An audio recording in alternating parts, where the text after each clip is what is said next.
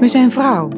Of we nou jong zijn of wat ouder, zwart of wit, wel of niet in een vrouwenlijf geboren zijn of misschien een fysieke beperking hebben. We zijn allemaal vrouw. En natuurlijk zijn we het niet altijd met elkaar eens.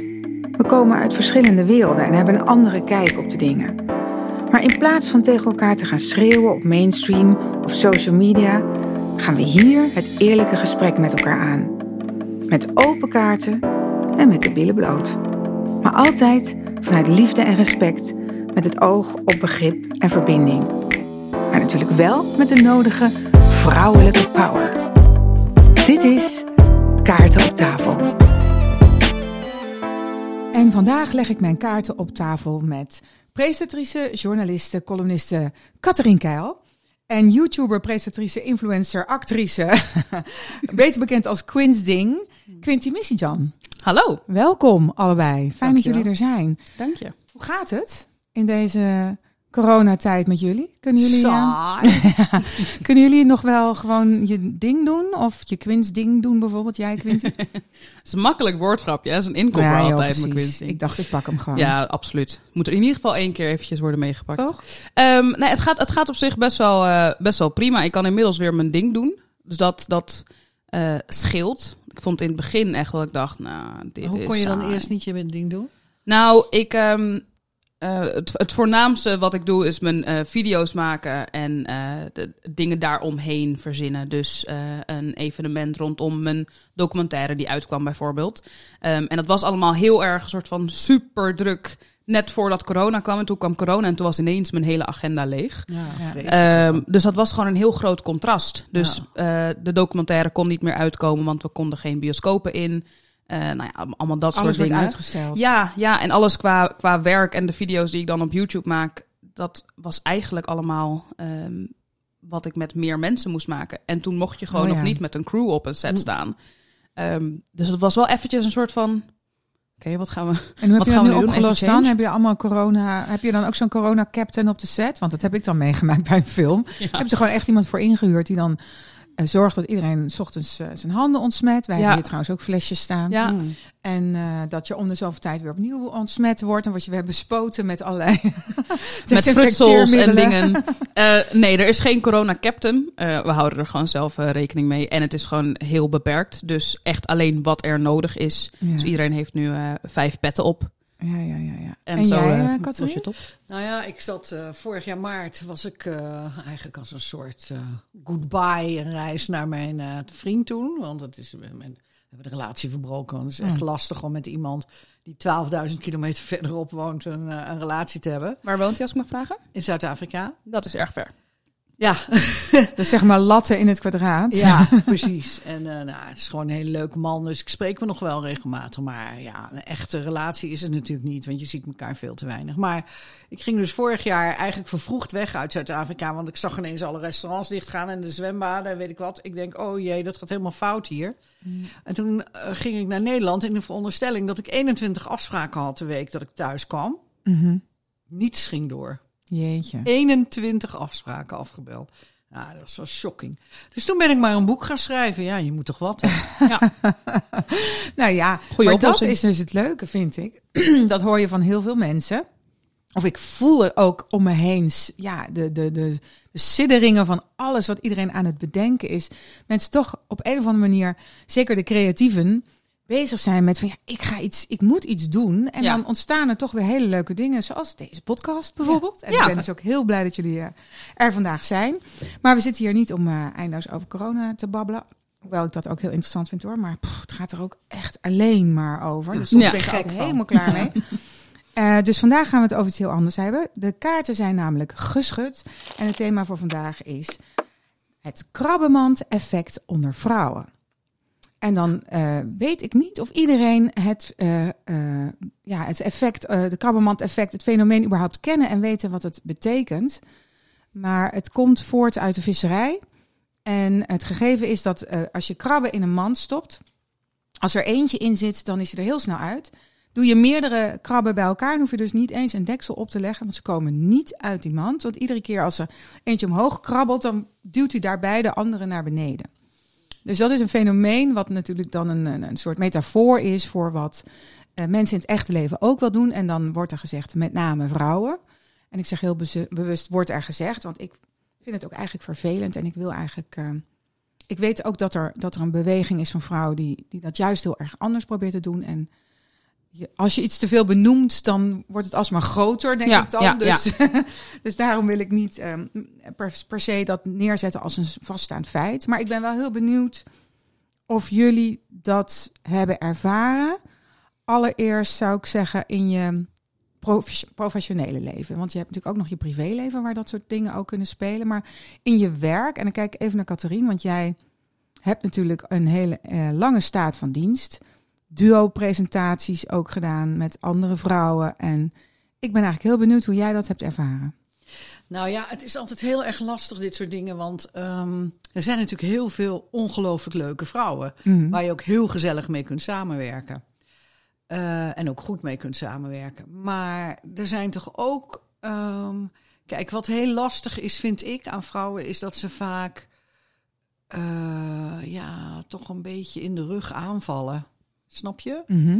Ehm, ze vinden het moeilijk om streed tegen elkaar te zijn. En ik heb, ik heb ook heel veel met mannen gewerkt. Ik heb de indruk dat mannen toch iets makkelijker op een gegeven moment. Maar mijn generatie, hè, in jouw Mhm. generatie is het alweer heel anders. Mhm. Weet ik, Hopen we. Hopen we. weet ik zeker, weet ik zeker. Dat gaan we zo horen. maar nee, maar dat, dat, ehm, ja, dat, dat vind ik wel eens lastig. Ja, dat er toch heel veel jaloezie is en dat dat dan omgezet wordt in kwaadsprekerij of weet je. En waar met- ligt dat aan, denk je, dat vrouwen dat op die manier doen? Ja, dat eh, weet ik eigenlijk niet. Het zal er wel eh, een soort van ingegroeid zijn of zo in de loop der eeuwen, zoiets. Ja. Omdat het misschien de enige manier was om je te verdedigen. Vrouwen hebben. Kijk, wat mensen heel vaak vergeten is dat vrouwen natuurlijk pas heel kort wat te zeggen hebben. Hè? Precies. Eh, er ja. is nog een tijd geweest in de zestiger jaren dat eh, vrouwen die in het onderwijs zaten, die werden gewoon ontslagen als ze gingen trouwen. Ja. Stemrecht is nog niet zo lang hoor. En het Dus- is volgens mij pas sinds de 70er jaren, ergens half eh, nee, 1978 of zo, ergens rond die koers, dat je als vrouw een bankrekening mag Precies. openen zonder toestemming van je man. Ja. Nou, dat je echt denkt, is dat zo kort geleden? Ja, Ja. Shocking, hè? Ja, dat is echt. En, en daar, weet je wel, er wordt heel vaak iets gezegd over. Ja, eh, groepen mensen die dan kort in Nederland wonen. Dan moet je kijken hoe ze dat doen en zo. En, en dan denk ik, joh, kijk eens even naar je eigen volk. Ik bedoel, eh, wij, wij zijn ook nog maar heel. Ja, Tot voor kort werd je toch als homo ook nog gearresteerd als je eh, openlijk ja. met elkaar Ja. zoende of wat dan ook. Ja, ja, er zijn nu weer andere mechanismes werkzaam. Maar oké, dat is wat anders. Maar weet je wat ik wel heel erg grappig vond? En dat wil ik gewoon even tegen Quinty zeggen. Want ja, want anders dan zou dat moment misschien voorbij gaan. Ik, ik ben heel erg van de geschiedenis en ik wil heel graag zien dat dingen veranderen. En dingen Mhm. veranderen ook. Maar toen zag ik jouw, eh, jouw YouTube-filmpje over eh, dat je toe bent aan een BH. nou, Ja. kan je het je herinneren? Dat je het maar... Schat, ik zal je wat vertellen. Ik ben dus 60 jaar geleden was ik aan dat punt toe. Ja. Niets veranderd. Nee, grappig. Is dat niet shocking? Kan je dat even toelichten? Want dit filmpje Ja. heb ik niet gezien. en Nou, de luisteraars dat- misschien ook niet. Dat, nou, vertel jij maar waar het filmpje Nou, ik, ik moet zeggen, ik heb echt in mijn leven heel veel filmpjes gemaakt. Dus ik weet niet over welk filmpje er specifiek gaat. Nou, dit gaat over een meisje die dus... eh, jij? Ja, ja, ja, ja. Het meisje jij. Ja, ik ben Eh, meisje. Ik speel het meisje. Die, eh, die, die eigenlijk toe is aan een BH. Mhm. En die dan met de moeder erover gaat praten van... Ja, hoe kan ik die dan krijgen? En die moeder die dan zegt... Nee, dat hoef je nog helemaal niet. En eh, weet je wel? Mhm. En, en dan, eh, ja, maar jij wilt er toch wel heel erg graag één, want je vindt best dat je al een beetje borsten hebt Ja. en zo. En je kan het eigenlijk niet meer laten hangen, dat. En ik dacht, jezus, het is net alsof ik mezelf voor. Het is echt niet te geloven, maar dan 60 jaar geleden. Ja. En dan denk ik wel, nou, er is dus eigenlijk niks veranderd. Dat is niet zo hoor, maar onvoorstelbaar vond ik dat. Ja. En wat, maar, maar dan begrijp ik niet helemaal goed van, wa- want wat is de betrekking, zeg maar, wat is de link tussen dat en er is niet veranderd? Want er zijn natuurlijk dingen die nooit veranderen. We worden ongesteld voor het eerst, we krijgen borsten voor het Ja, eerst. maar bijvoorbeeld over ongesteld zijn en zo praat iedereen veel makkelijker tegenwoordig, Ja. toch? En, Ja, eh, en ik denk, ik denk Maar wat, over een wat- wat BH voor- dus nog niet of zo? verschil Wat was het dat- punt Blijkbaar, ja. probeert te maken? Oh ja. ja, dat, vond, dat vond ik grappig. Dat het te dat, moeilijk was om dat te, dat te het nog steeds bespreken. zo'n issue is om Ja. de eerste BH aan te schaffen. Mensen, waar gaat dit over? ja, weet je wel? ja, ja, ja, ja. Oh, oké. Maar dat I is wel it. blijkbaar dus een issue, want anders maak jij er geen filmpje over. Ja, ik denk inderdaad het, het, het stukje ehm, wat, wat daarin zit, is het accepteren van dat je lichaam verandert en dat een meisje een vrouw wordt. En Ja. dat daar, dat daar vroeger nog best wel een taboe overheen zat. Ja, zeker. Ehm, en dat dat nu verandert. En ik denk dat bijvoorbeeld hoe ik ben opgegroeid. Ik ben natuurlijk ook, mijn, mijn moeder is dan nu, moet ik het goed zeggen, ze komt uit 67. Mijn Ehm, leeftijd. ja. 53, Ja. 54, ja. Ehm, dus die, die is ook op die manier opgevoed. Dus die voedt mij vervolgens ook weer op die manier op. Want haar tijd was nog zo. Mhm. En vervolgens ben ik opgegroeid in een tijd waarbij we veel vrijer zullen leven. Dus zal die verandering pas echt plaatsvinden bij mijn kinderen. Ja. Niet bij de kinderen van Hoop nu. ik wel. Ja, ja, dat denk ik. Nou ja, maar dat hangt ook een beetje van de, van de tijdgeest af. Want ik kom uit zo'n heel progressief nest. Hè. Mijn ouders waren heel vrij gevochten. Mijn moeder is beeldend Ja. kunstenares. En waren van die links-intellectuelen met een open huwelijk en allemaal dat soort dingen, weet je wel. En over seks werd heel vrij en open gesproken. Ook over Ja, dat lichaam, dat anders weer verandert. En ongesteld worden en zwanger raken. En we hadden al van kleins af aan al van die boekjes. Waar dat allemaal in tekeningen uitgelegd werd en zo. Ja. En, eh, en toch merkte ik dat op het moment dat ik de wijde wereld instapte, dat, de- dat ik dacht, oh, wacht even. er wordt toch door eh, de, de buitenwereld echt anders tegen dingen aangekeken. Ja, en als ja. ik me gewoon zo vrij beweeg zoals ik dat van thuis uit heb meegekregen, dan krijg ik meteen allerlei labels opgedrukt. Dan ben ik een Ja. hoer, een slet, dan ben ik een weet ik veel wat ik allemaal ben. Eh, Ja. Dus ik, ik, ik, ik merkte al vrij snel van, oh, dit gaat niet werken, geloof ik. Ik moet dit anders.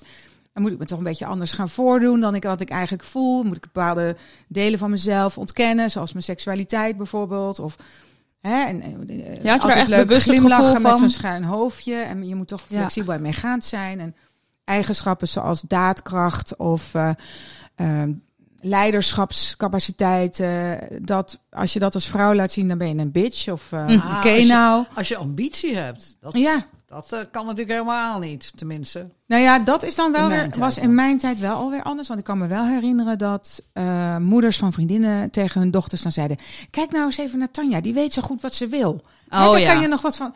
Dat, terwijl ik, ja, ik had geen idee, maar zo kwam ik Nee, schijnbaar ja, over. ja, ja, ja. Maar ehm, een beetje bij de hand was ik wel.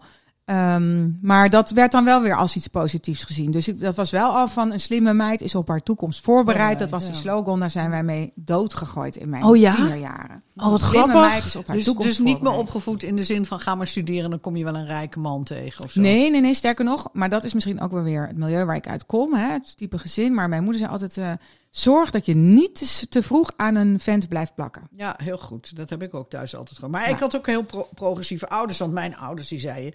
zorg dat je nooit financieel van de man afhankelijk Ja, wordt. Ja. Nou ja, dat is dezelfde boodschap eigenlijk. Ja. Niet, eh, niet te vroeg blijven plakken en zorgen dat je onafhankelijk bent.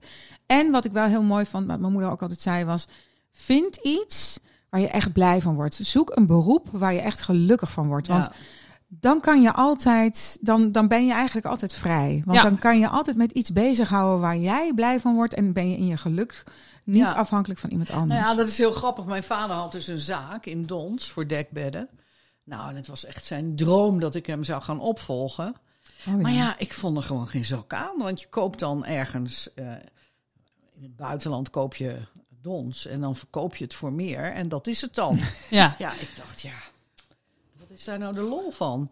Dus eh, mijn vader vond het heel erg dat ik die zaak niet over wilde nemen. Maar eh, ja, ik ben zo blij dat ik het niet gedaan Nee. heb. Want Nee. het is natuurlijk toch je mooi vak. Nou, dat zul je toch ook wel vinden. gevolgd hebt. Absoluut. Even terug naar het onderwerp, hè, dat krabbenmand-effect. Ja. We hadden het al een beetje over de oorzaken. Eigenlijk wil ik heel even van jou weten, Quinty. Ervaar Mhm. jij dat heel erg in jouw werk bijvoorbeeld? Want er zijn niet heel veel vrouwelijke YouTubers, heb ik al gemerkt. Er zijn veel meer mannen, ook succesvolle mannen of jongens. Ja. Eh, dus je bent een van de weinigen. En zeker ook in het humoristische deel. Want vrouwen hebben zogenaamd geen humor. Hè? Ja, ook dat nog. Daar zijn we ook allemaal mee opgegroeid. met, rare, eh, met die rare aannamen. Ja. Merk jij dan, eh, krijg je veel support van de vrouwen om je heen? Of merk je toch van, oh, er is toch wel veel competitie? Ehm, ja, ik, ik merk eigenlijk niet heel erg veel van de competitie, moet ik zeggen. Ik dacht in het begin dat dat veel ehm, erger zou zijn. Vooral omdat er zijn echt weinig ehm, mega succesvolle vrouwen in het YouTube-landschap. Mhm. En waar dat aan ligt of hoe dat dan komt, dat weet ik ook niet per se. Ik denk dat vrouwen een veel maken veel diversere content eigenlijk op YouTube en daardoor is het misschien allemaal een beetje verspreid of zo, ieder wat wils. Ehm, waar jongens echt een soort van heel groot publiek aanspreken op YouTube vooralsnog, want alles verandert met het jaar Mhm. hoe het vorig jaar eruit zag, is niet hoe het er nu uitziet. Ehm, maar eigenlijk heb ik alleen maar heel erg veel liefde ontvangen van andere vrouwelijke YouTubers. Dan heb ik dat hele Oh, stukje cool. van ehm, elkaar niet dingen gunnen, echt niet, niet meegemaakt. Mijn, mijn allereerste video's waren, toen had ik denk ik 6000 abonnees. En toen wilden de YouTubers die al boven de 100k zaten, die vonden het gewoon leuk dat ik bestond op YouTube. En die wilden gewoon met mij samenwerken. Dat was niet een soort geval, oh wij zijn er nu en nu mag jij niet meer. En, Oh, goed. en dat. Dat is goed om Eh, te horen. Ja, ja. Terwijl er, ik bedoel, er, er zijn altijd gewoon persoonlijke dingen, maar nooit soort van vanuit vrouwen dat, dat ik dat gevoel heel erg kreeg Want of ik heb wel het ook het gevoel dat er nu steeds meer van die ehm, online, eh, zeg maar achter de schermen, groepjes vrouwen zijn die elkaar ook, of, of influencers, ook mannen trouwens, die elkaar eh, supporten. Die elkaars dingen gaan liken. Ja. Een berichtje eronder, dat je gewoon met elkaar afspreekt van, nou, als jij nou altijd mijn berichtjes liked, dan Ja. doe ik altijd de jouwe. En waardoor je natuurlijk hoger in het algoritme komt en dus sneller Ja. kan groeien. Zit je ook in dat soort groepjes? Nee. Nee, maar dat is omdat dat voor mij altijd super eh, niet authentiek voelt. Aha. Om echt met elkaar af te spreken dat we onder elkaars dingen gaan reageren. Dat heb ik altijd een klein beetje lastig gevonden. Oh, ja. Ehm, maar ik, ik weet wel dat als ik een foto zie waarvan ik weet... eh, oh ja, dit is best wel een ding dat zij dit nu voor zichzelf post bijvoorbeeld. Of het is iets super persoonlijks of het is gewoon een mega mooie foto. Dan maak ik er wel altijd een ding van om dan een compliment daarover te geven. En dat heb ik eigenlijk niet alleen maar op social media, maar altijd al een beetje gehad. Superleuk. Ja. Ook gewoon als ik, als ik dacht of ik zag iemand en, en ik, ik dacht die, diegene's jas is perfect, fantastisch, staat er zo goed. Of iemand ziet er heel goed uit, dan moet ik dat even zeggen. Ja. Ja, Dus dat zit ergens, dat, zit dat sowieso wel ehm, in me, dat ik gewoon weet wat een compliment met iemands dag kan doen. Ja, veel. Eh, heel veel. Hoe Ja. leuk is het om te horen dat je gewoon van een random persoon die niks met jou heeft. Ja. Dus dan weet je ook, iemand hoeft het niet te vertellen. Het is niet een soort beleefdheid. Ja, en dat vond ik ook zo leuk in Zuid-Afrika. Dat, mensen zo onvoorstelbaar positief tegen elkaar zijn. Ja. Dan liep ik over straat en dan zei een- gewoon een wildvreemd iemand tegen mij... Jee, wat heb jij een leuke jurk aan? Ja, geweldig. Nou, Oh, wat fijn. vind ik gewoon fantastisch, weet Ja. je wel. En dan Nou. doe ik het in Nederland ook wel eens. ja. En dan kijken En dan mensen wat me aan moet, van... wat moet die vrouw van mij? "Mijn Ja, God, wat is er aan de hand? Ja. En dat is dus ook, want ik heb natuurlijk een beetje research zitten doen van waar, hoe komt dat nou dat wij vrouwen dit doen? ja. En dat is enerzijds natuurlijk, eh, hè, eh, we zijn nog niet zo lang. Ja. eh, onafhankelijk, of enigszins onafhankelijk. We zijn er ook nog helemaal nog niet. Maar het is anderzijds ook, ehm, en dit is nou weer echt zoiets, als je in de overgang zit, dat je halverwege je zin niet meer weet waar, het, waar je het over had. Oh schat, daar hoef je niet Waar van was de nou overgang te gebleven? zijn hoor. Dat, eh, Want je had onderzoek gedaan, zei je. Ja, waar het aan lag. Oh ja, dat je dus als je zelf voor je gevoel ruimte tekort komt, dat je dan dus ook niet zo makkelijk iets kunt Deelt. geven. Ja. Ja. En je hebt natuurlijk heel veel van die old boys networks waarin mannen elkaar enorm supporten Ja. en mee Ja. omhoog trekken en ook als een soort mentor voor andere jongere generatie fungeren. En bij vrouwen begint dat nu een beetje te ja, dat komen. komt nu op inderdaad. Maar het is echt nog in de kinderschoenen. En dat is wel iets waarvan ik denk, dat kunnen we echt van die keels leren. We Ja. moeten elkaar gewoon gaan supporten. Want Ja. als je iedere keer die andere vrouw als, een, als concurrente gaat zien... dan komen we er nooit. Dan zijn wij die krabbetjes die elkaar naar beneden blijven duwen. Ja. En uiteindelijk, als je elkaar gaat optillen... als je op elkaar schouders gaat staan... dan kan je die mand uitkomen. ja. Maar ja, dat, is, dat kan je natuurlijk honderdduizend keer tegen elkaar zeggen... Ja, maar zolang jij nog voelt van ja, maar daar is zo weinig plek voor ons. En ik heb zoveel moeite moeten doen om dat ene plekje te ja, bemachtigen. dat is ook een stukje angst. Dan ben je natuurlijk als de dood dat iemand anders jou aan de kant shuffelt en jouw plek inneemt. Ja. En zo snel ben je ook weer exit. Dat weet je ook, Catharine. In ons vak is het helemaal zo op televisie. Ja, maar En kort dan zeker- tijd hoor. Je hebt maar korte tijd en dan komt er weer een nieuwe lichting en dan woet. En ik, weet je wel, ik bedoel, er zijn toch ook zoveel programma's. Zeker vrouwen mogen niet ouder worden op televisie. Ja. Nou, ik mag, ik mag in dit geval moet ik toch even een kleine land spreken. Ik bedoel, ik heb een paar maanden geleden twee nieuwe programma's gedaan. En eh, nou ja, daar ben ik toch voor gevraagd, weet Ja. je wel. Dus ehm, Gelukkig Ja, is het ik aan denk dat het aan het veranderen. veranderen is, inderdaad. Het is Ja. aan het veranderen, Ja. maar je weet ook nog wel dat eh, Angela Groothuizen van eh, Wie is Ja. de Mol afgegooid werd. En Ja. dat ze Karel de Graaf er neerzetten. ja, ja, Ook een oude man. ja. Dat mag dan wel. Ja. Ja. Maar ik denk dus dat daar toch wel enige verandering van denken plaatsvindt hoor. Misschien ben ik nu iets wel. te optimistisch, maar ik denk het echt. Nee, nee, want- nee, zeker. Nee, ik, zie het ook wel dat veranderen. Mensen zijn er steeds meer en al helemaal in eh, televisieland, zeg maar. Het, het internet is altijd al divers geweest. Ook al als je nu kijkt Maar naar... ook voor ouderen? Eh, Nee, nee, want die YouTube? wisten niet per se hoe, hoe dat Die dan... weten niet hoe dat werkt. Daar is niemand mee opgegroeid. Ja, Ja, maar dat wel, wel hoe het werkt. nu toch ook wel beter worden, Absoluut, ik. zeker, zeker. Maar dat is zeg maar voor kinderen en, en mijn generatie. Ik ken niks anders Ja. dan dat dit mijn normaal is. Zeg Ja. maar, Ja. voor mij was het niet een grote stap om op het internet me- van mezelf te delen, want dat deed ik al met al mijn vrienden. Ja. Dus het was, niks, het was niks geks. Er kwam alleen per ongeluk publiek ook nog bij. Ja. Ehm, maar dat, je, dat dat stukje divers was, dat is niet zo gek. Maar op, op tv zie je dat dat nu pas komt. Want we denken, oh wacht, we moeten actief bezig zijn met dit veranderen. Want Ja.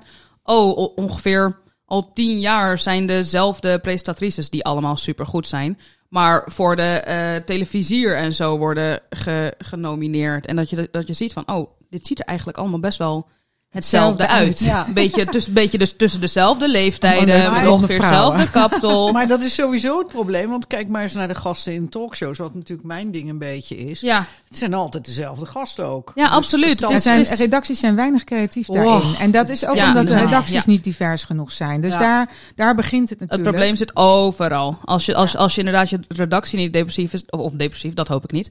Ehm, maar divers. ik, ik hoop niet. Eh, divers of niet representatief, dan, ga- dan gaat dat niet. Dan komt het niet bij mensen naar boven Nee. om die mensen uit te nodigen. Nee. Want misschien kennen ze ze niet of ze zitten gewoon niet on top of mind. Ja. En dus blijft het allemaal hetzelfde. Maar wat mij nog steeds verbaast, is dat je bijvoorbeeld van die programma's hebt, als dat eh, heet het Voetbal Inside of zo, waar die, Ja, eh, ja. Ja. die snorremans in zit. Hoe heet hij ook weer? Eh, nou ja, ik weet wie je bedoelt. Johan Derksen. Johan Derksen, dankjewel. dankjewel. Fijn Saved dat jonge bell. 25 jaar geheugen, of 24 ben je volgens mij pas. We zijn dus even voor, voor de luisteraars. 54, nee, 24, 54, 74, of 24, 54, 74. Ja, Dus we zijn top. hier echt heel goed vertegenwoordigd met verschillende generaties. Maar eh die Jan Derk zit daar en dan zijn, heb je dus van dat soort programma's. En dan wordt dan eindeloos over voetbal geluld. En dat is eh, blijkbaar dan eh, maatschappelijk heel erg relevant. Ja. Maar kom je met een onderwerp wat puur over vrouwen gaat... of een thema wat vrouwen aangaat... dan word je gewoon bij 9 van de 10 talkshows... ja, dan zeggen ze sorry...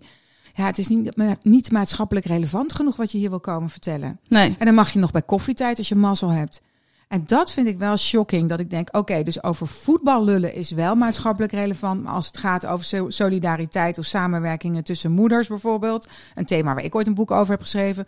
Dan is dat niet maatschappelijk relevant. En Ja, daarin zijn eigenlijk nog wel wat slagen te slaan volgens Ik denk mij. dat wat dat betreft is het ook heel simpel.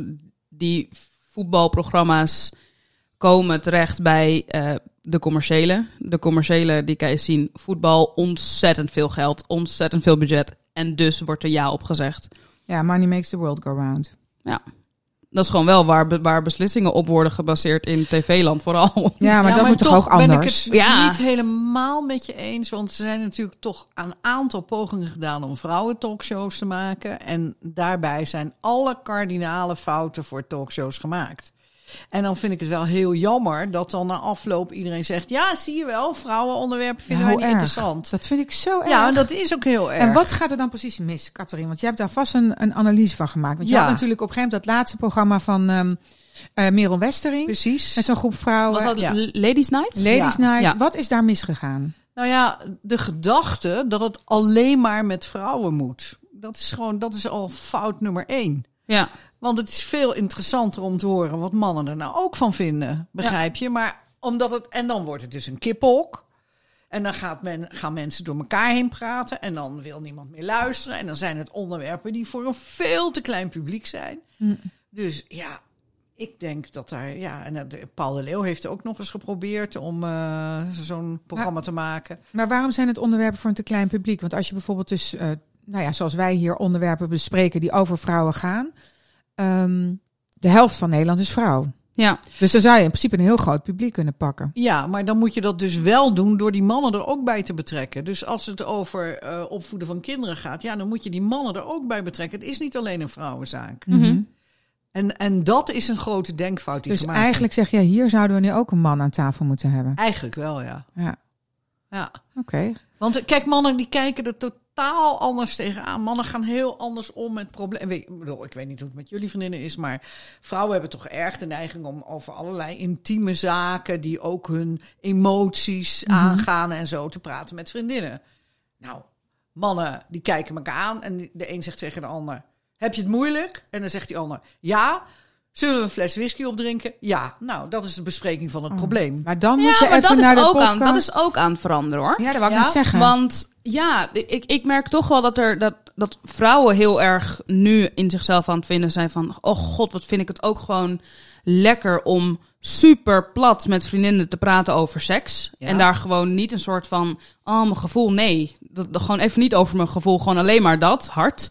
Ehm, en dat mannen heel erg ook naar elkaar toe neigen met... hey, ik zit met dit probleem. hey, Ja. ik voel me niet gemakkelijk bij het masculine plaatje. Ik voel me niet eh daar. zijn of ik ben gewoon mens met emoties. ja, Want Ja. je hebt die podcast, die moet je maar eens luisteren van Roel van Velzen over scheiden. Hij Oh is ja. namelijk gescheiden en hij is andere collega's gaan interviewen over van hoe is jouw scheiding verlopen en hoe ben je dan omgegaan met die ex en een Ja. nieuwe liefde en kinderen en nou, nou, nou. En dan zit hij dus soms met de vrouw te praten, maar ook wel eens met een man. Ja. En dat is zo ehm, voor mij eh, hoopgevend om die gesprekken te horen. Want dan zie je, hoor je dus twee mannen ja, over hun diepste gevoelens praten en Ja. over hun struggles en hun onzekerheden rondom zo'n heftig iets als scheiden. Ja. En Maar- ik vond dat heel eh, tof. Maar dan moet je toch wel in, in aanmerking nemen dat dat gaat over twee artiesten die Ja, een beetje tuurlijk. geavanceerde. Kijk, Die zijn je, wat geëmancipeerder al. Precies, want ik Maar bedoel, laat dat een voorbeeld zijn ja, voor die andere zeker, mannen. zeker. Dat ben ik helemaal met je Want die zijn er, daar Ja. zijn mannen wel aan toe, vind ik, aan een Ja. beetje emancipatie. Nou ja, er zijn heel veel boeken op het ogenblik eh, over dat mannen zich heel ongelukkig voelen en hun Ja. rol niet meer kennen, niet meer weten wat ze ermee aan moeten. Moeten ze nou macho zijn of juist niet? Ja. Ah, dus blijkbaar is er wel iets losgemaakt. Ja. Dus dat, dat geeft de mensen weer hoop. Ik wil even naar jullie showdown kaart, want de tijd vliegt natuurlijk alweer voorbij. en ehm, eh, even denken hoor, welke zullen we eens doen? Ja, eh, deze van jou, Catherine. Ehm, een showdown kaart, even voor de luisteraars die nu voor het eerst eh, deze podcast luisteren, is eigenlijk een soort onthulling, een bekentenis die ik jullie gevraagd heb omtrent dit thema. En Katrien, jij hebt opgeschreven reacties column. Ja. Nou ja, ik schrijf dus een column eh één keer in de week op de woensdag op de pagina Vrouw van de Telegraaf. Nou, en dan valt mij op dat als ik eh, zeg maar een beetje taboe doorbrekende meningen heb, bijvoorbeeld over, nou, ik vertelde eens een keer dat ik was lastiggevallen in een café en hoe de barkeeper dat had opgelost. Nou, dan krijg ik dus van mannen eh, reacties als, nou, goed gedaan vrouw, en laat je niet op je kop zitten en pik het niet en dit en dat. En vrouwen die schrijven, nou, denk je nou echt dat jij oud wijf nog, dat nog Oh. iemand jou wil aanranden? Want het ging over dat jouw vri- vriendin, die was in haar kruis gegrepen door een man. En Ja. toen heeft die ober, die heeft die man ook even in zijn, in zijn kruis Ja, gegrepen. ik een geestige oplossing, toch? Ja, En, eh, dat is grappig. ja. en toen, eh, nou ja, toen kreeg ik dus allemaal vrouwen die zeiden: Ja, wie denk je wel dat jij denkt dat je aangerand zal worden? Wauw, wat iemand jou te nog oud wil. voor? Nou, dat Oh, vind ik gewoon een gemeen. walgelijke reactie. Ja. Wat raar hè, dat dat dan vooral van vrouwen komt. Ja. Ja, Want ik weet wel dat mannen dat doen. Hè? Dat mannen stuur je altijd eh, terug in de keuken. Of dat je maar eens eh, verkracht moet Ja, worden als je een grote oh, bek hebt. Ja, nou ja, dat had ik ook toen met, de, met, eh, met die grote crisis, eh, met de banken, weet je wel. Toen had ik geschreven hoe ik dacht dat het opgelost moest worden. Toen kreeg ik een brief van een bankier. Mevrouw, bemoeit u zich alstublieft alleen met het aanrecht. U heeft er helemaal geen verstand. Ja, ja. Oh ja, ook zo simpel, hè? Dat mensen denken, oh ja, nee, nu ga ik iets reageren. En dat is super grappig, super origineel. Wil ik nu zeggen, ga terug naar de keuken. Oké. Ja. Nou Please get a new joke. Volgens mij heeft iemand zich dan al gedisqualificeerd. En Ja. dan is er gewoon geen maar ruimte het meer is- voor een dialoog wat mij Maar het is gewoon vervelend, dat soort reacties. Maar het is heel veel voorkomend. Nou ja, ja, super kwaad. Maar het, het, het voorkomt veel te veel. Echt veel te veel. En ik merk dus het jij zelf... hoort dat ook, dat soort dingen. Nou, ik heb het zelf op een of andere manier heel erg weinig. En ik denk dat dat is omdat ik ehm, me op een bepaalde manier heb neergezet op het internet. Dus ik ben altijd al geweest van, weet je, ik begin al mijn video's met hoi goed volk. Ik begin, het is gelijk, alles moet positief zijn. Ik eindig elke video met doe een beetje lief voor elkaar. Weet je wel, er is hier geen ruimte voor negativiteit. Ik ga dat mijn hoofd niet aandoen. Kost veel te veel energie. Laten we dat gewoon lekker weg. Ehm, dus mensen zijn al van zichzelf een soort van, als ze op mijn kanaal terechtkomen of op mijn pagina. Zijn ze Dan- een soort van uitgeselecteerd? Ja, Dus ze sele- selecteren zichzelf er al op. En als er dan iemand een keertje wild ergens toch een keer een soort haatcomment dropt, dan reageren eigenlijk mijn kijkers al gelijk met ehm, aardige dingen. hey, dat je zoiets negatiefs moet reageren, betekent waarschijnlijk dat je een slechte dag hebt. Ik hoop dat het beter wordt morgen. Oh ja, zo leuk. Of- Ook een licht passief-agressief. Absoluut, Ik absoluut. hoop echt. Ik, ik, ik, ik hoop dat morgen beter is. Ehm, of, of hey, als je issues hebt, kan je er gewoon over praten. Het is best open hier allemaal. Ja, ja. Ehm, dus eigenlijk merk ik dat meer. Maar als ik dan bij vriendinnen kijk, dan schrik ik me soms echt rot wat ook daar. nog van jouw generatie, want dat vroeg Ook nog namelijk van ook al. Want je mijn hebt misschien een wat jongere doelgroep mannen, die misschien niet meer zo met eh, die, die typische misogynie eh, smijten. Nee, van jongens niet, maar vrouwen nog wel hoor. Ja, noem eens een Vrouwen voorbeeld. onderling weer. Onderling. Toch ja. Ja, ehm, nou ja, sowieso meisjes en zo en kinderen die blijven pesten. Dus daar op een of andere manier, ik weet niet wat daar psychologisch zit, maar kinderen pesten.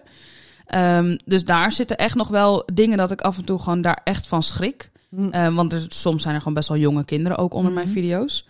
Ehm, maar ik merk bijvoorbeeld bij vriendinnen die moeders zijn, dat daar echt heel fel op elkaar wordt Oh, daar gereageerd. hebben we ook nog een podcast over, over de moedermafia. Ja, ja. Dat is ook heel heftig. En dat ja. vind ik dan, da- daar, daar schrik ik me echt rot van. Maar ik denk, ja, maar ik kan, ik kan me nog niks voorstellen bij moeder zijn. Het enige wat ik me kan voorstellen is dat als je het dan meemaakt, dat je toch moet kunnen voorstellen hoe vreselijk zwaar het Ja. is voor een ander. En hoe ondenkelijk het is dat je alles maar goed doet. Hm. Ja, Dus maar waarom- daar is het die onzekerheid. Hè? Ja. Die onzekerheid en ook het feit waar we achter kwamen toen we die podcast opnamen was... ehm, nou ja, dat ook die complete verantwoordelijkheid voor het grootste gedeelte toch nog op de schouders van de vrouw Ja, ligt. tuurlijk, Oh ja. En Ja. dat jij er dus ook op aangekeken wordt als het logeertasje niet goed is ingepakt. Of als het rugzakje naar school, als Ja. daar iets in ontbreekt. Of als je huis een, wan, wa- een puinhoop En is. dan ineens Ja. zijn we niet meer zo geëmancipeerd. Hè? En ja, en, maar, dan, maar dan wordt er ook van de buitenwereld wordt er dus ook naar gekeken van... oh, die vrouw is wel heel rommelig zeg. En niemand denkt aan die man. Nee, nee. Dus het is voor hen ook lekker makkelijk, hè?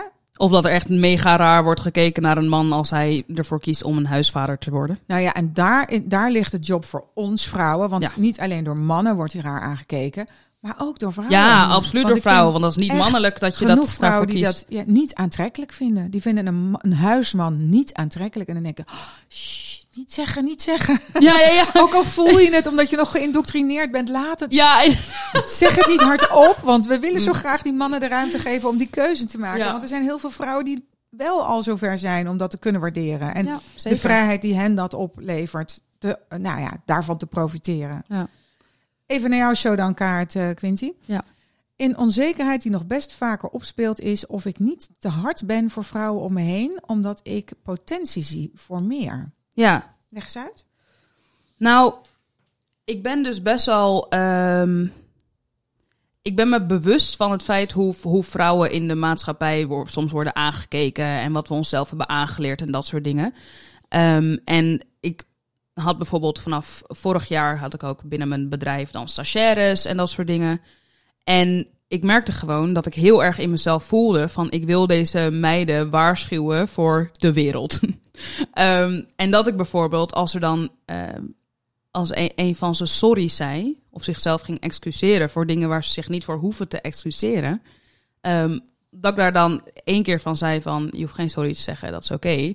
Op een gegeven moment echt stellig werd van je gaat geen sorry meer zeggen. Ja, ja, ja. Het is nu klaar. Dat zat er natuurlijk ingebakken. Ja, want dat, dat zit er zo dus in. nog steeds. en dan als ik zeg, stop met sorry zeggen, zeg ze sorry.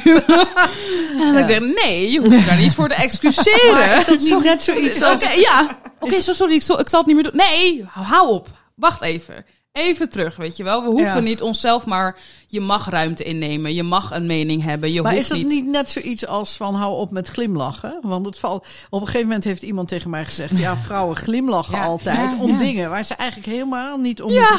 En als je daarop gaat letten... Ja. Mijn god. Wij glimlachen ons helemaal een slag in de rond. Ja. en dan zei ik ook, stop met, stop, stop met lachen. En dan om liefst nog een- met zo'n schuin gebogen Ja. hoofdje zo. Ja. Ja. Beetje Ja. onderdanig. En als je dan niet glimlacht, wat ik dus nu al een tijdje probeer. Dan ben je een chagrijnig wijf. ik ben dus de dan laatste komen tijd dus bezig de met niet lachen. tegen. En dan zegt hij, hey, is er iets mis vandaag? Ik zeg, nee, ik probeer niet te lachen. Oh, nou, Probeer niet er goed zagrijnig uit. Ja, Terwijl ja, maar dat is ook uit onderzoek gebleken dat mannen die elkaar op straat passeren glimlachen niet. En vrouwen Nee. die zijn altijd, als iemand passeert, je maakt oogcontact, dan komt die Ja. glimlach weer tevoorschijn. Ja. Ja, dat is heel opvallend. dat is Ik- toch gek. Eh, ik vroeg me ook af van, als we nou hebben over die krabbelmand, zijn er momenten geweest in jullie leven dat je gewoon echt enorm teleurgesteld bent door een andere vrouw? Dat je dacht, jeetje. En want we hebben natuurlijk nu gehad over carrière en krabbelmand, maar je hebt het bijvoorbeeld ook in je privéleven. Ik kan bijvoorbeeld vertellen, eh, mijn grootste teleurstelling wat dat betreft was ooit toen mijn allerbeste vriendinnetje, die ik al vanaf mijn zesde kende, naar bed was gegaan met mijn toenmalige vriendje. Wauw, Wauw. ja, dat is wel heftig, hè? En ehm, dan kan je zeggen, ja, maar die vriend is dan ook heel fout. Is ook zo. Alleen daar schrok ik minder van Ja. dan de daad van mijn vriendin. Omdat dat jongens dat soort dingen deden. Ja, ik ben van gescheiden ouders en daar was ook bedrog in het spel. Dus dat had ik al wel in de smiezen. Mhm. En dan was ik sowieso een beetje, ik was al sowieso een beetje achterdochtig naar jongens. Heb ik gewoon niet, ehm, ik ben heel erg onder vrouwen opgegroeid. Ja. En, maar dat mijn vriendin, Nou, mijn sister, weet je wel, Ja, Heel ja. erg. dat zij, want haar had ik ook nooit iets te staan. Die relatie was een beetje aan huis, aan uit. Dus dat hij een beetje, dat hij pissig was of dat hij ergens raak voor wilde nemen zocht. of wat dan Ja. ook. Dat, dat kon ik nog wel een soort van volgen, zijn motief, zeg maar. Ehm, maar wat was haar motief? Waarom? Ja. Wat had ik haar misdaan? Ja, Hmm. niets. En dus in één klap was ik zowel mijn vriendje als mijn eh, vriendin kwijt. ja, ik weet hoe erg het Ja, is. Mijn God. zusje had het ook. Die had de beste vriendin, die ging er vandoor met haar man. Nou, Oh, mijn en hemel. je Oh, beste vriendin en je man kwijt. Dat is natuurlijk Dat is wel heel heftig. Heel heftig, ja. Nou ja, in mijn geval was het dus niet zo dat zij een relatie kregen. Het was eigenlijk gewoon een momentopname waarin zij zich heel slecht voelde en hij. En toen vonden ze elkaar. En jaren later heb ik, ik heb haar wel vergeven. Eh, alleen, ik had wel zoiets van, ja, weet je, als jij dit niet in de grip hebt, dan vind ik een vriendschap met jou heel, Heel lastig. moeilijk, Want dan moet ik constant over mijn schouder Ja. kijken van, ga Ja. jij mij niet weer backstabben? ja. En jaren later hebben wij wel weer contact met elkaar gekregen. En uiteindelijk hebben we elkaar weer gevonden. En het was heel grappig. Zij had in hetzelfde jaar haar grote liefde ontmoet als ik. Zij had dezelfde dag een trouwdatum. Haar trouwdatum was op dezelfde dag. We hadden allebei een jurk van een Spaanse ontwerper. We hadden ringen van dezelfde juwelier en bloemen van dezelfde bloemist. Nou ja. Hoe bizar is dat? Ja. Dat is heel bizar. En zij zocht contact met mijn moeder, want ze zei: Ja, ik, ik ga trouwen. ja. En, eh, en ja, ik, ik zou het zo fijn vinden om Tanja weer te spreken en haar dat te vertellen. En mag ik haar telefoonnummer? En toen heeft mijn moeder gezegd, nou, dat ga ik aan, aan Tanja vragen. En, dan, Ja. En toen zei ik, ja, ik ga haar meteen bellen, weet je wel. En toen heb ik haar gebeld. En toen bleek zij dus dezelfde trouwdatum te hebben. Alleen, wat gebeurde er? Doordat wij ineens, nou ja, door allerlei omstandigheden, eh, moesten we een andere locatie kiezen. En de locatie die we toen kozen, die, die was eh, op die dag niet meer vrij. Want het was namelijk 888. 88 Oh ja. 2008, zo'n datum die iedereen wil. Ja. En toen hebben wij gewoon gedacht, nou ja, fuck it, dan eh, doen we toch 988. Charlie had het hele weekend vrijgenomen. Die zat toen in, in Duitsland in een musical. ja. En dat was dus het geluk waardoor we dus op elkaars bruiloft konden zijn. Wauw. En vanaf dat moment, we hit it off. En eh, nu zijn we weer helemaal dikke mix samen. Maar En- je hebt nu niet Heel het idee dat ze je in je rug kan. Nee, want weet je, zij is ook gegroeid. En er is in haar leven een heleboel gebeurd. En zij had ook fikse jeugdtrauma's waar ze heel Ja. hard aan gewerkt heeft. En eh, dus eh, zij is niet meer dat, diezelfde persoon als Nee. dat ze toen was. Dus, Nee. eh, Maar het is wel mooi dat je dat in je hebt om dat te kunnen, om dat en, te kunnen maar ik ben ook heel blij dat ik haar terug heb. Ja. Want ik heb haar heel erg gemist. Maar Heel dat zijn uniek. wel dingen. En, maar Ja. hebben jullie dat soort teleurstellingen van dat je denkt, nou, daar ben ik dus even door een andere vrouw onderuit gehaald? Ja, ja, die heb ik wel. Maar ja, omdat het een, een vrij bekende vrouw is, kan ik niet in de details treden. Maar eh, ja. Ik denk dat ik weet wie jij bedoelt. ja, dus hou je mond maar. Nou, maar weet je wat het bizarre is, Catherine? In Ik mijn- niet, jongens, ik niet. I'm out of the loop, net als jullie. komen.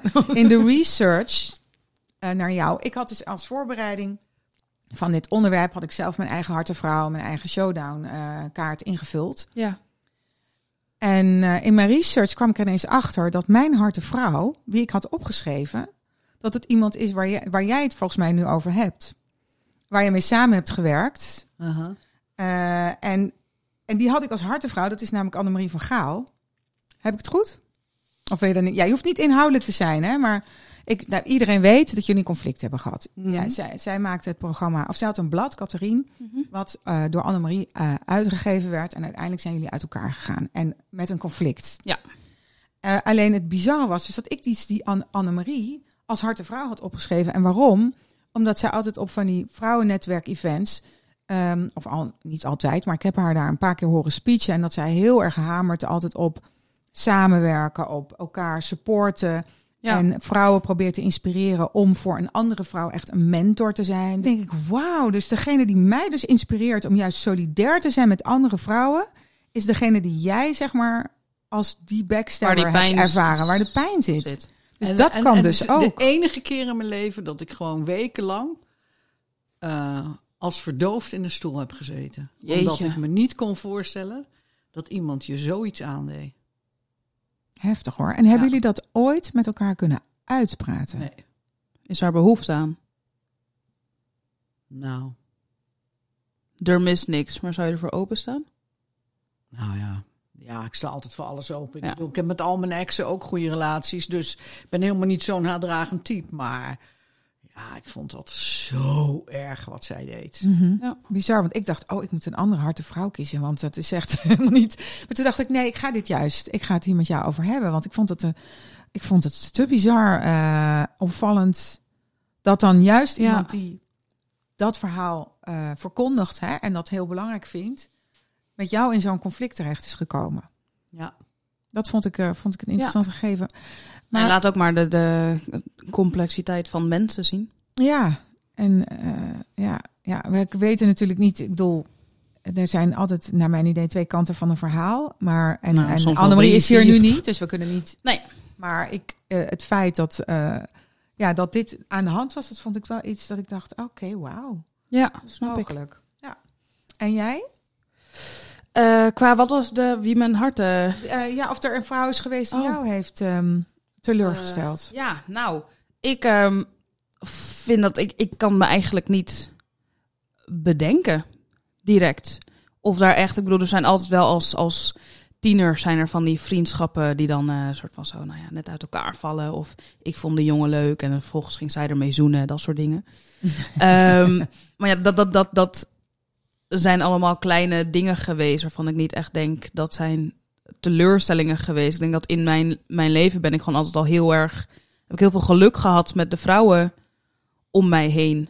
Er zijn altijd echt mensen geweest van we, we moeten elkaar om, omhoog halen. Mhm. Van mijn moeder. mijn Ik ben opgevoed door mijn moeder. Ehm, dus voor mij was het echt zeg maar een, een vrouwennest. Altijd Ja. al. Alles, alles om me heen was vrouw, vrouw, vrouw, vrouw, vrouw.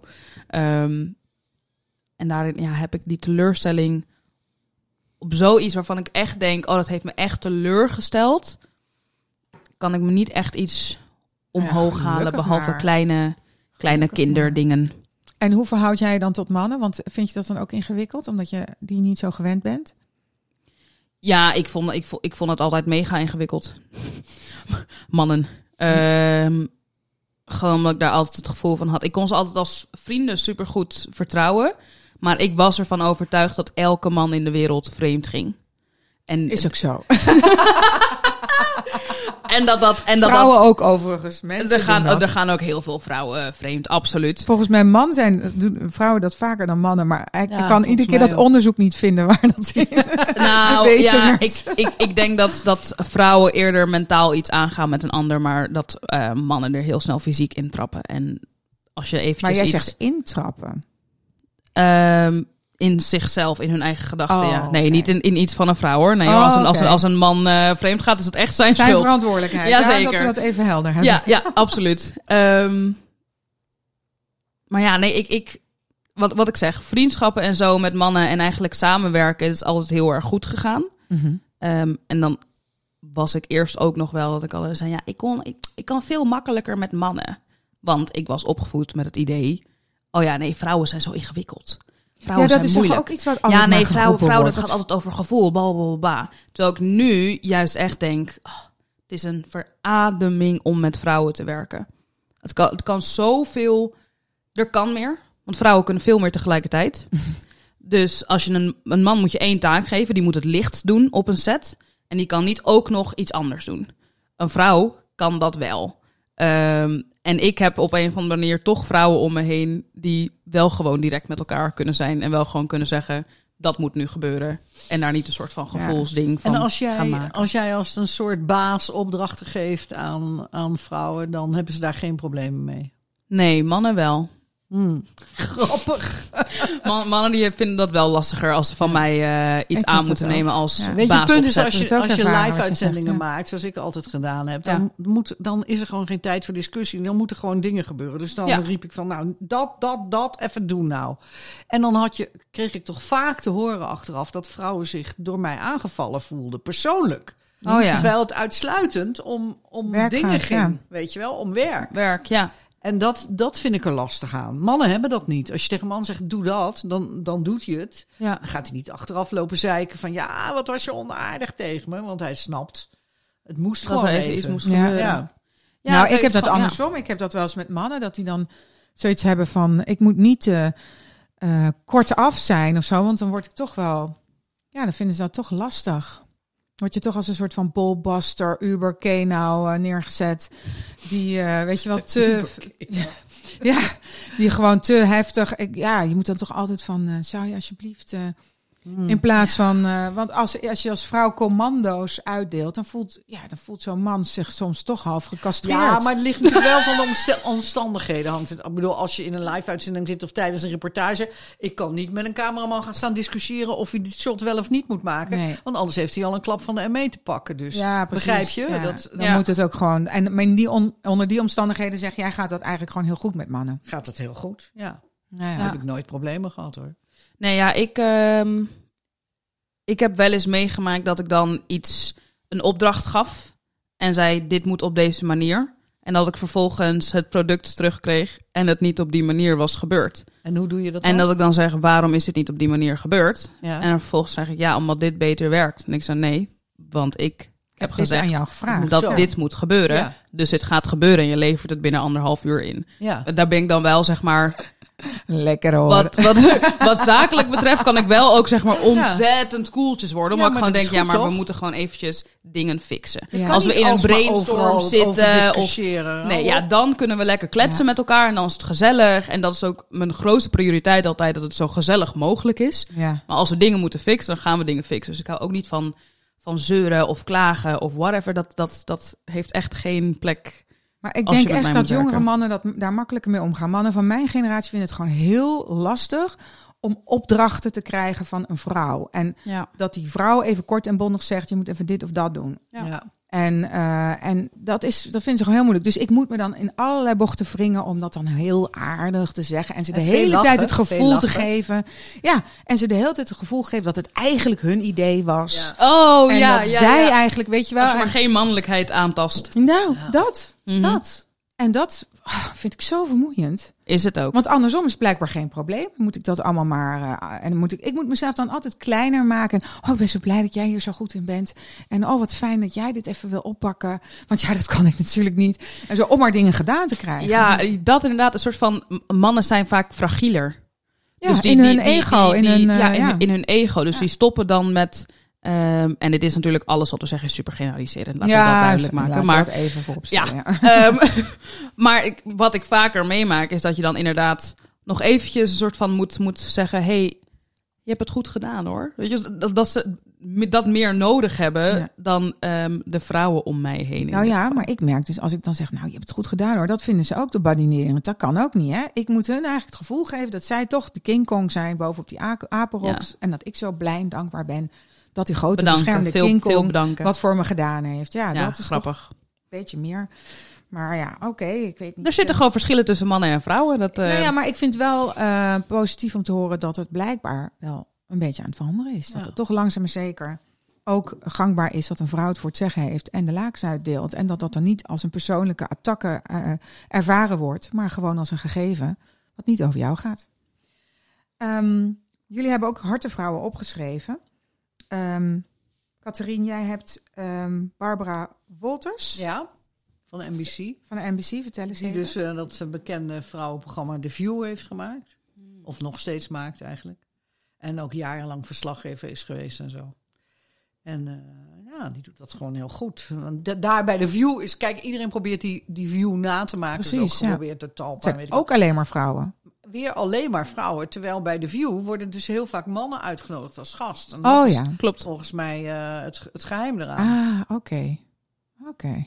Dus daar zit hem dan echt in. En waarom is zij voor jou dan ehm, eh, zo'n harte vrouw, zeg maar? Wat is... Nou, kijk, ik ben het dus bij, gemaakt ik heb eh, toen ik Catherine begon, ben ik door Universal Studios heel Amerika doorgestuurd om allerlei talkshows te bekijken. Dus Oprah en Want die Ja, produceerde die, het of zo? Of? produceerde het. Ah, Ja, oké. ja. Wat cool. En uh, ja, zeker cool. En toen ben ik dus uh, onder andere bij haar geweest ook, omdat ik, ja, ik vond haar gewoon een fenomeen. Ze was jarenlang verslaggever geweest.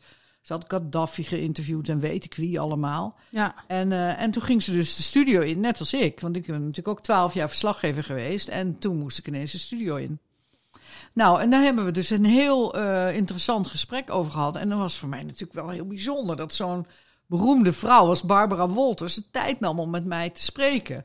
En toen kwam ik dus thuis en toen lag er een handgeschreven briefje van haar. Oh, echt? Wauw. Lieve Catherine, dank je wel dat je de tijd nam om mijn talkshow te bezoeken. En Wat nou, was ik cool. Helemaal, nou, zo onder de indruk. Ja. Ja. Wat cool. Ik heb dat briefje nog trouwens. ja, dat snap ik. Ja. Dus dat, dat, dat toonde mij dat, uh, ja, al, al bereik je nog uh, zulke krankzinnige hoogten, je moet wel proberen mens te blijven. Ja. Want En zo'n briefje herinner ik me nog steeds. Ja. Gunnen is denk ik een heel En belangrijk gunnen is ding. ook heel belangrijk. Ja. dat je een ja. ander wat durft te gunnen. En dat je niet te bang bent van, oh jee, dat zou mij kunnen aantasten. En dat is natuurlijk voor uh, Barbara Wolters naar jou toe makkelijker. Ja, ja. Want ja, die zit daar in haar zadel stevig. In Amerika, jij gaat niet een programma in Amerika maken, maar Nederland, heel klein landje ergens. Oh ja, was het de hoofdstad van Duitsland? precies. Iemand mij wel eens gevraagd. Oh. oh. ja, pijnpuntje, pijnpuntje. Ja. Niet voor mij, ik ben een Duitser, maar voor de gemiddelde Nederlander, die vindt dit niet zo leuk. Maar, um, uh, maar toch uh, heeft ze daarin eigenlijk laten zien waar het om draait. Ja. Hè? Dat, jij, dat zij jou bedankte vanuit haar positie. Ja. Dat is Ja, een soort en- nederigheid bijna. Hè? Ja, en, en, en die les heb ik geprobeerd te leren door inderdaad altijd mensen dankbaar te zijn als ze iets voor je doen of aan je Ja. denken of weet ik veel. Nou, dat is gewoon. En kijk, er zijn een aantal, er zijn, er zijn, nou laat ik het zo zeggen, er zijn slepen mensen op televisie die beroemd zijn geworden en hun geld hebben verdiend dankzij de programma's waarin ik ze heb uitgenodigd als eerste. Nou, er zitten gewoon mensen Wordt wel bij. tijd dat hij eens een keertje de rekening komen vereffenen.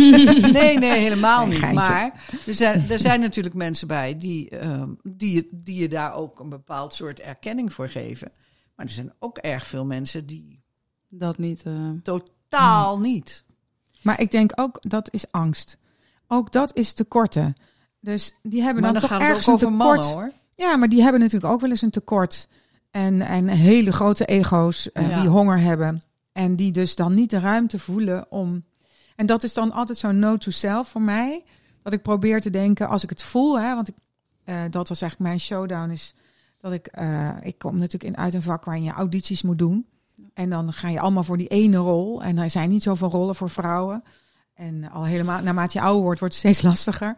Dus je wil wel heel graag die rol, dan moet je auditie doen en dan kom je elkaar tegen daar in zo'n wachtkamer. En om dan niet gestrest raken, denken, oh god, en zij, zij veel beter dan Die heeft net nog zij die gaat klus gedaan en ook met dat. en ja. ik niet en zo. Ja. Maar gewoon te denken, hé, hey, zij is te gek.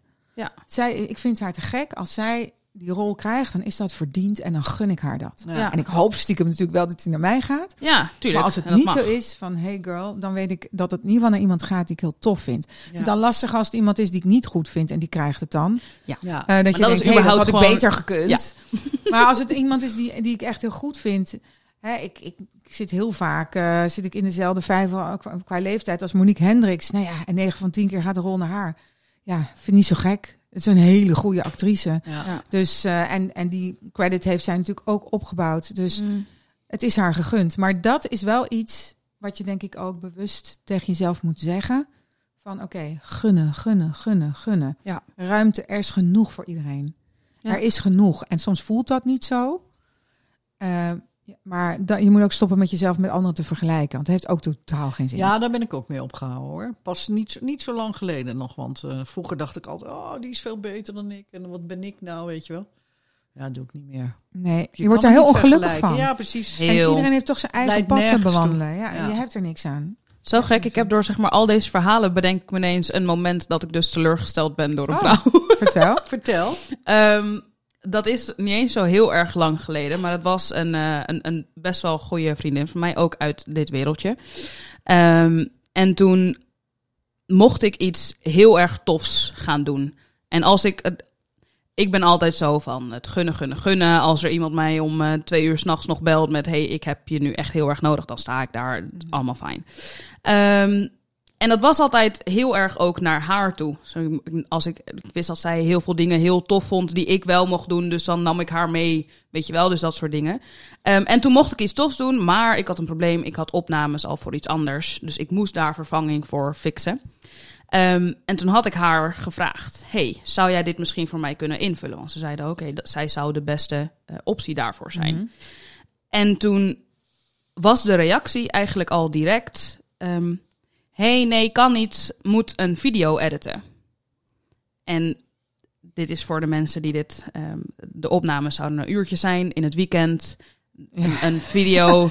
Kan je, kan je eigen tijd doen. Ja, je kan en- zelf bepalen wanneer je Ja, video edit. Ja. Dat inderdaad. Ehm, en die kans die ik kreeg was echt naar het buitenland gaan voor een groot internationaal merk. Eh, weet je wel, dat was, het was echt iets groots. Wat, heel wat belangrijk een, voor jou. ja. en echt een once in a lifetime dingetje. En ik dacht, voor een video editor?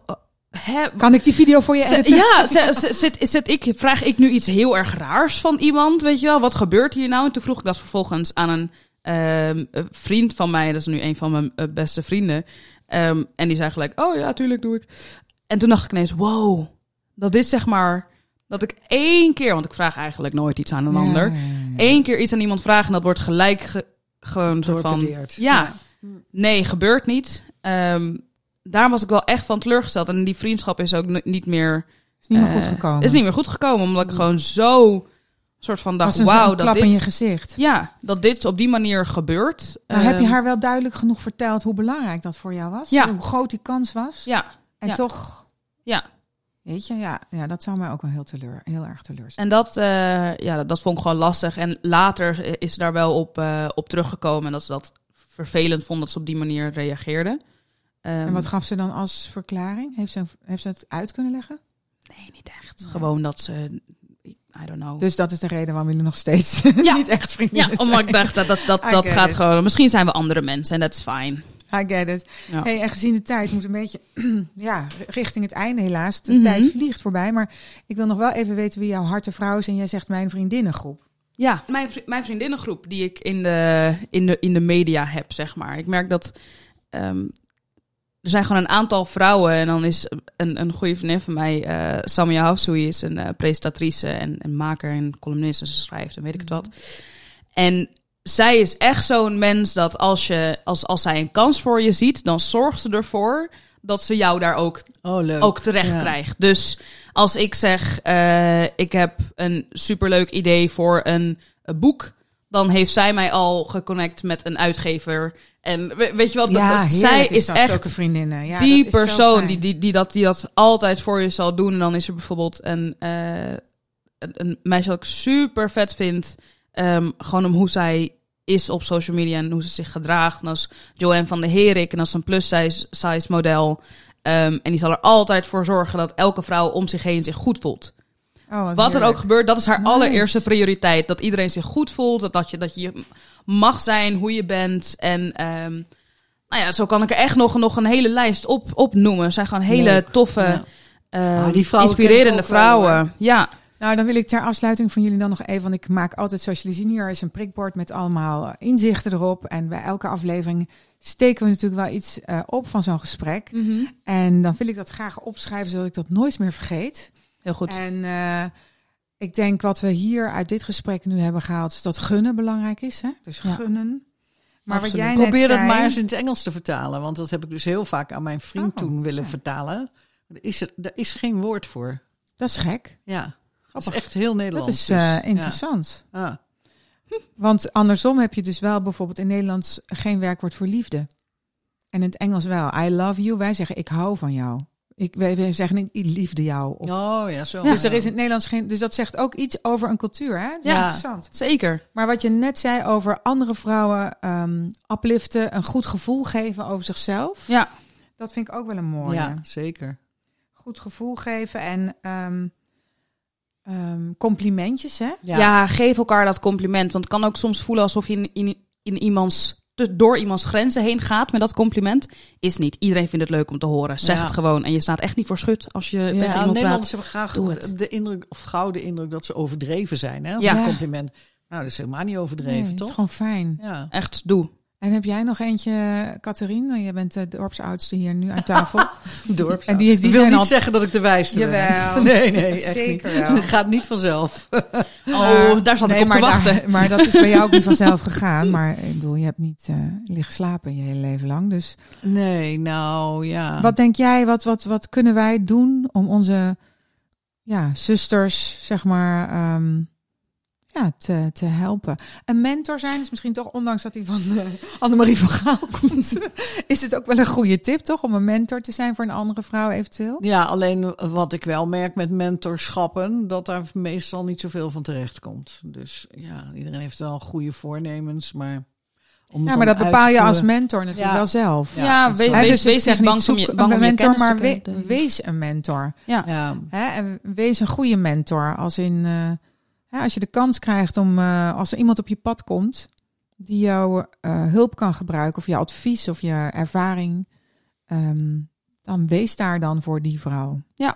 Wees niet bang om je kennis te delen. ja. Je netwerk wees te niet delen. bang voor concurrentie, dat is het misschien. Oké, ja, dat is ook goed. Wees Ja. niet bang voor concurrentie, ja, want die is er gewoon, bedoel je. Nou ja, Dus- zo voelen heel veel vrouwen dat. Hè? Met name als er nu bijvoorbeeld een bloedmooie vrouw binnen zou komen. Ja. Ja, dan ben ik toch... Ja, dat kan mij al helemaal niks meer schelen. Maar misschien dat jullie toch Dat denken, had je niet toen je mij zag, dat je dacht, Ja, dat hebben we jou altijd. maar Maar weet het te oud voor inmiddels, shit. Nee, maar wat ik maar bedoel. ik snap wat je bedoelt, ja. Ja. Ja, en, en dat is ook weer, dat is ook weer, eh, wees niet bang eigenlijk, hè? Wees Ja. niet bang en, en durf een andere vrouw iets te gunnen. Ja. En geniet van dat, haar talenten. Dat is misschien ook wel een leuk. Ja. Geniet van haar talenten. Ja, kijk, vroeger kon ik nog wel eens, eh, als ik dan naar tv keek, mensen enorm afzeiken thuis dan, hè? Ja, Want dat, is natuurlijk heel makkelijk. Nederland, Maar dat doe ik niet meer. Nee. Nee. Ik kijk altijd, zoals naar Chantal Jansen, kijk ik toch met heel veel bewondering, weet je Ja. wel. Soms denk ik, nou, ja, misschien een beetje te veel op tv, maar dat is een ander verhaal. Ja. En, eh, en als ik er dan zie, dan zeg ik ook, jee, maar wat doe je het goed. Ja. En wat ben ik trots op je en zo. Ja, Ja, dat is ook. leuk. Ja, Ja. dat is leuk. Ja, nou mooi om mee af te sluiten, meiden. Ja. En eh, ik vond het heel fijn dat jullie er waren. En ook dat is eh, voor mij als vrouw ook een heel fijn gevoel om al die toffe vrouwen uit te mogen nodigen en dat die dan gewoon ja zeggen. Dus daar word ik heel blij van. Dus heel erg bedankt voor jullie komst.